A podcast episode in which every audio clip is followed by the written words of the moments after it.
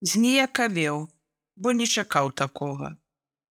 Гэта было гадоў восем таму. У мяне памерла бабуля.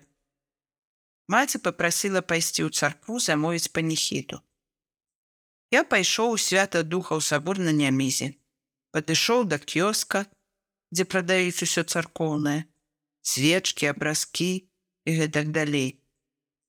Да жанчыны, што там працавала, звярнуўся па-беларуску. Нашто яна вытарашчыла на мяне вочы і выдала. Что у нас за страна такая? На каком языке вы разговариваете? Идите в свои тусовки разговаривайте на этой. Я ж трохи зніякалеў, бо не чакаў такога. Не знайшоў, што сказаць. Не памятаю, што сказаў. Нешта кшталту у вас жа тут набажэнствы праводзяцца. Нашто мне проста далі бланк і сказалі: « Ідзіце там чытайце. Для мяне гэта было вельмі дзіўна.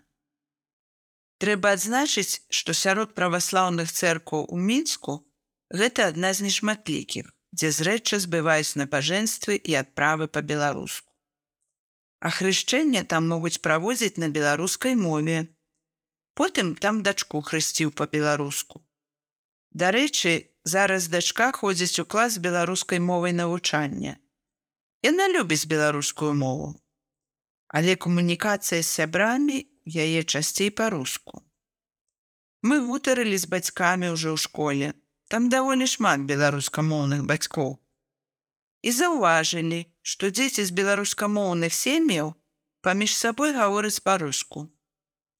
Рускамоўных дзяцей шмат, і пад гэтым уплывам усе пачынаюць таксама гутарыць па-руску.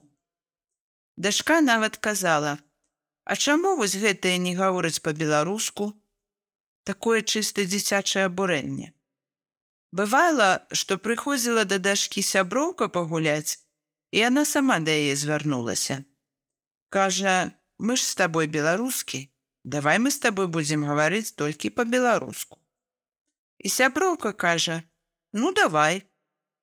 Глеб 33 гады, малы бізнес, намеснік дырэктара, менеджер па продажах зніякавеў.